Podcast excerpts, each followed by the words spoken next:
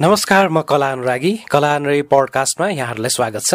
यसमा समावेश हुनेछन् साहित्य सिनेमा रङ्गमञ्च र कलाका विविध आयाम साथै राजनीति पनि। तपाईँले यो पडकास्ट मेरो blog site Kala Anuragi dot com YouTube channel Kala Anuragi र पडकास्टका विभिन्न प्लेटफर्ममा सुन्न सक्नुहुनेछ।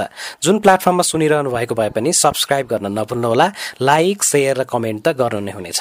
अब लागौँ आजको पडकास्टतिर पहिलो सिजनको श्रृङ्खलाहरूमा साहित्य सिनेमा रङ्गमञ्च कला र राजनीतिको क्षेत्रमा विशिष्ट पहिचान बनाउनुभएका विभिन्न व्यक्तित्वहरूसँग मैले विगतमा गरेको कुराकानी सुन्न सक्नुहुनेछ।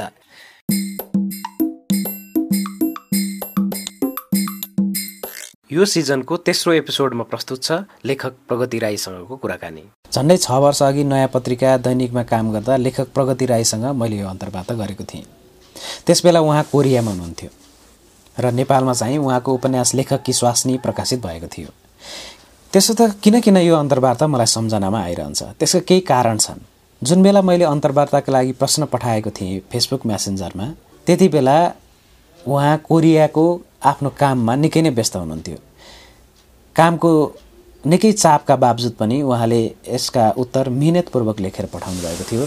कहिले कामको चापले लेख्न नभ्याउने कहिले कामले थकित भएर लेख्न गाह्रो हुने उहाँको बाध्यता मैले थाहा पाएको थिएँ। तैपनि मैले ताकेता गरिरहेँ। सबैका बावजुद उहाँले तिन चरणमा उत्तरहरू लेख्नुभयो। अर्को कुरा जति बेला उहाँले आफ्नो उपन्यासको सेरोफेरोमा अन्तर्वार्ताका लागि उत्तर लेख्नुभयो त्यति बेलासम्म आफ्नै पुस्तक पनि भौतिक रूपमा छुन पाउनुभएको थिएन। फेसबुकमा फोटो देखेकै भर थियो।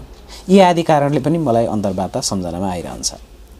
त्यसो त उहाँले अर्को उपन्यास बिर्सिएको मृत्यु पनि प्रकाशित गरिसक्नु भएको छ। तेस्रो उपन्यास थाक्रोको लेखनमा लागिरहनु भएको छ। उहाँलाई शुभकामना। अन्तर्वार्ताको लागि मेरो पहिलो प्रश्न थियो।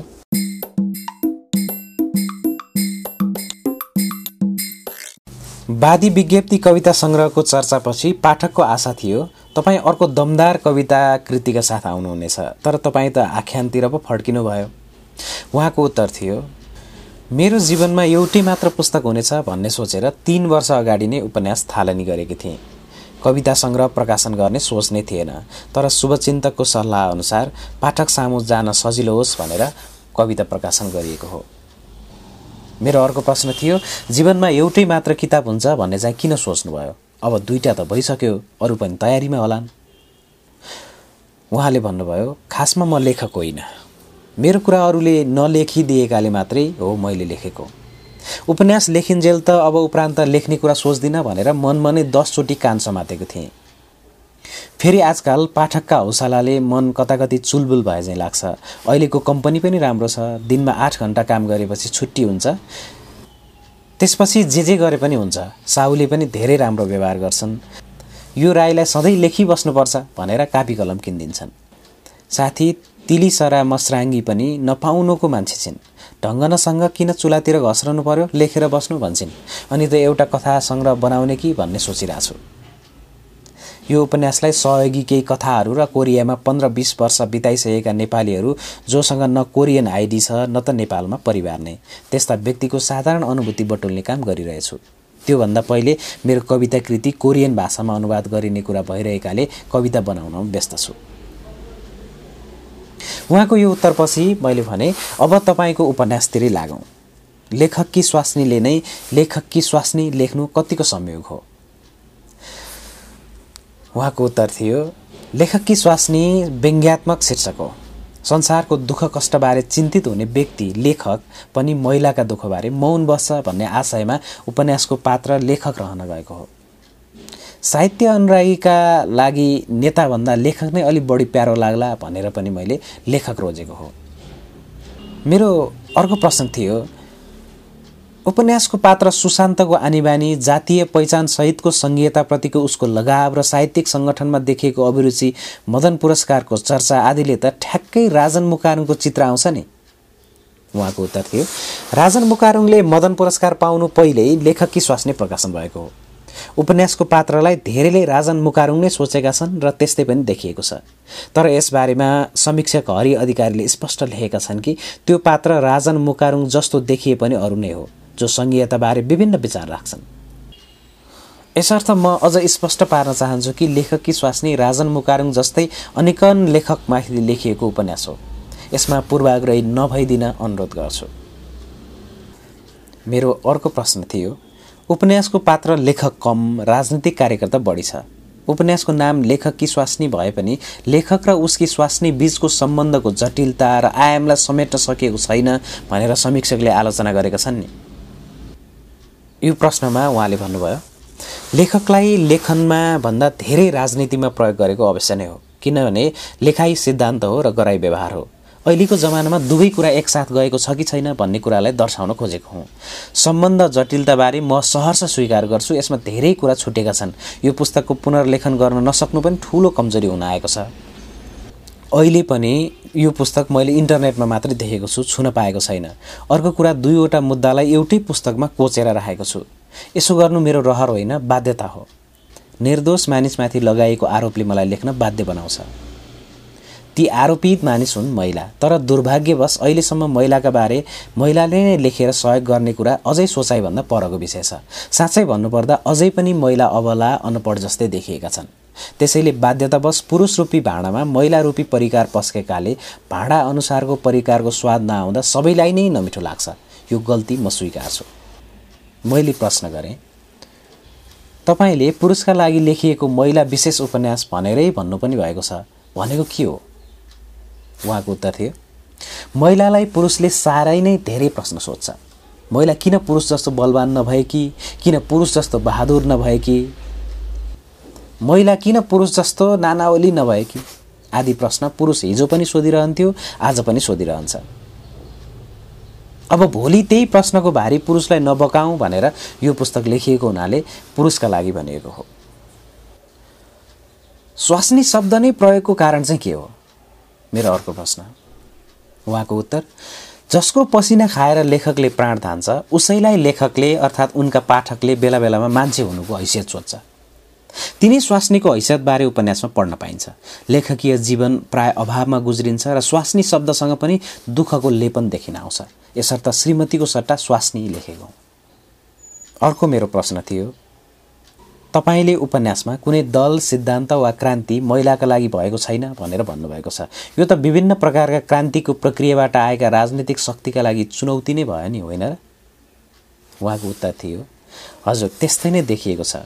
किनभने उहिले राणाको पालामा पनि महिलाले आफ्नो स्थान लोग्नेकै वरिपरि खोज्नु पर्थ्यो। प्रजातन्त्र आयो लोकतन्त्र आयो तर छोरी जन्मिएको आँगनमा कहिल्यै काम आएन। मैले अर्को प्रश्न सोधेँ। महिलालाई वंशाणुधिकार सरकारी पहुँचमा विशेष अधिकारका कुरा उठाउँदै पुरुषलाई महिलाले बिहे गरेर घर लान पाउनुपर्ने छोरा पाउन लोग्ने साट्न पाउनुपर्ने जस्ता विषय उपन्यासले उठान गरेको छ। यो बहस मात्रै हो कि यसका लागि केही गर्ने बेला भइसक्यो? उहाँको उत्तर थियो उपन्यासको मुख्य दुई मुद्दा नै महिलालाई वंशाणुधिकार र सरकारी पहुँचमा विशेष अधिकार हुन्। जबसम्म यी दुई कुरा कानुनमा लागु हुँदैन तबसम्म महिलाले पूर्ण मानिस हुनुको अधिकार उपभोग गर्न पाउँदैनन्।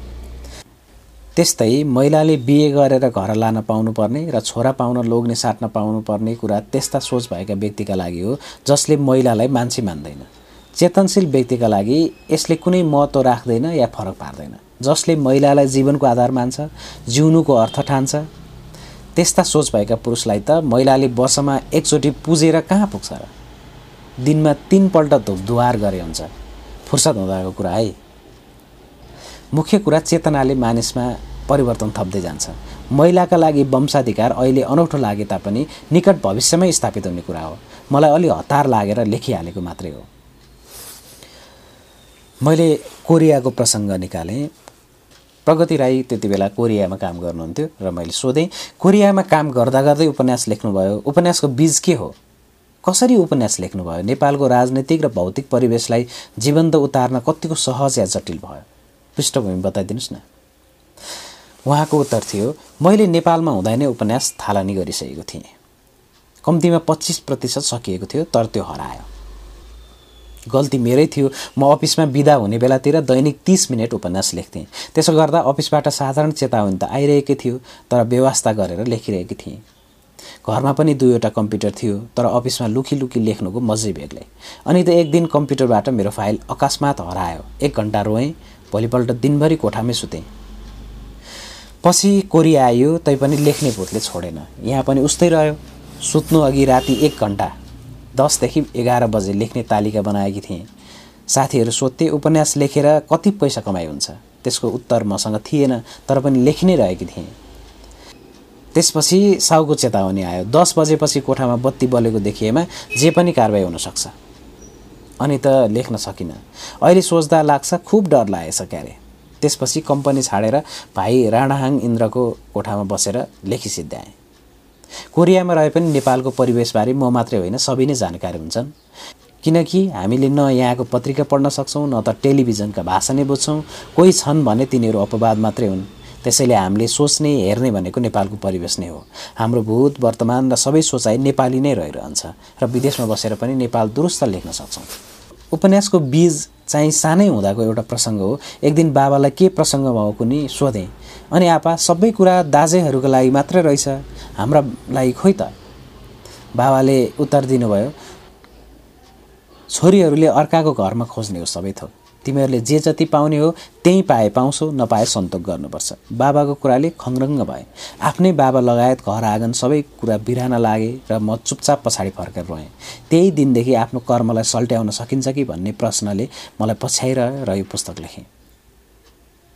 मैले उहाँलाई अलिकति व्यक्तिगत कुरा गर्न अनुमति मागेँ र सोधेँ तपाईँको भोगा तपाईँको भोगाईको लेखक राजन मुकारङ पनि उपन्यासमा चित्रण गरे जस्तै गैर जिम्मेवार र बदमास छ त? उहाँले हाँस्दै उत्तर दिनुभयो भन्छन् नि भनौँ भने आफ्नो मान्छे नभनौँ भने के के? उपन्यासको पात्र जस्तै जस्तै छ। ऊ चुरोट नखाए एक मिनट बस्न सक्दैन म चुरोटको धुवा आयो भने एक मिनट टिक्न सक्दिनँ। अन्तत नजिक बस्नुभन्दा टाढा बस्नुले नै सम्बन्धमा माधुर्य आउँदो रहेछ। यसको मतलब यो होइन कि एक अर्कामा प्रेम छैन। प्रेम त टाढा बस्दा झन् झाँगिँदो रहेछ। किनभने कल्पनामा मलाई चुरोट गनाउँदैन। उपन्यासमा उसको पनि चरित्र केही मात्रामा मिसमास गरेको छु। तर उसले सोध्छ कि यो उपन्यास भरिको सबै मै हुँ। तर एकजनाको चरित्रले पुस्तक बन्न सक्दैन भन्ने त थाहा छ उसलाई। त्यही पनि बुझ पचाइ टोपल छ र भन्छ मलाई किन जडाया लेखेको? यो प्रभाकर भन्ने स्त्री लम्पट को हो? म भन्छु त्यही त पुरुषलाई माया गर्ने महिला चाहिँ इतिहासमा अहामय भएर बाँच्छिन् महिलालाई सहयोग गर्ने पुरुष चाहिँ पुरुषकै व्याख्यामा स्त्री लम्पट र ल्वाट नामले पुकारिँदो रहेछ। मैले यति भनेपछि एक महिनालाई फोन कार्ड किन्न पर्दैन उसले मेरो फोनै उठाउँदैन। मैले सोधेँ लेखक र लेखकी स्वास्नीको भूमिका एकैपटक निभाउँदा कतिको चुनौती आउँदो रहेछ? इगो प्रब्लम कतिको हुन्छ? उहाँको उत्तर थियो एकदम मजा आउँछ। धेरै लेखकको सङ्गत गरेकी छु मैले। उनीहरूको जीवन सङ्गिनीको व्यथा बुझेको छु। ती कुरालाई पुस्तकमा उतार्दा पाउँदा एकदम मजा आउँछ। संसार भुलिन्छ। जोगी हुन्छु कि क्या हो चाहिँ पनि लाग्छ। लेखक भन्नाले पुरुषहरूलाई नै बढी इङ्गित गरेँ। किनकि महिला लेखक विमला तुम्खिवाजी मोमिला दिदी उषा शेरसन दिदीहरू मातेर लडी हिँडेको देखेको छैन। अनि इगोको कुरा गर्नुपर्दा एकदमै अप्ठ्यारो पर्न आउँछ। लेखकीय हिसाबले एक प्रतिस्पर्धी चाहिँ लाग्छ। चर्चित भयो भने पनि ईर्ष्या लाग्छ सँगै आयो भने पनि उछिन्ला कि भन्ने पिर पर्छ। पछि रह्यो भने पनि कस्तो चित्त दुख्छ। जे गर्दा पनि सुख हुँदैन।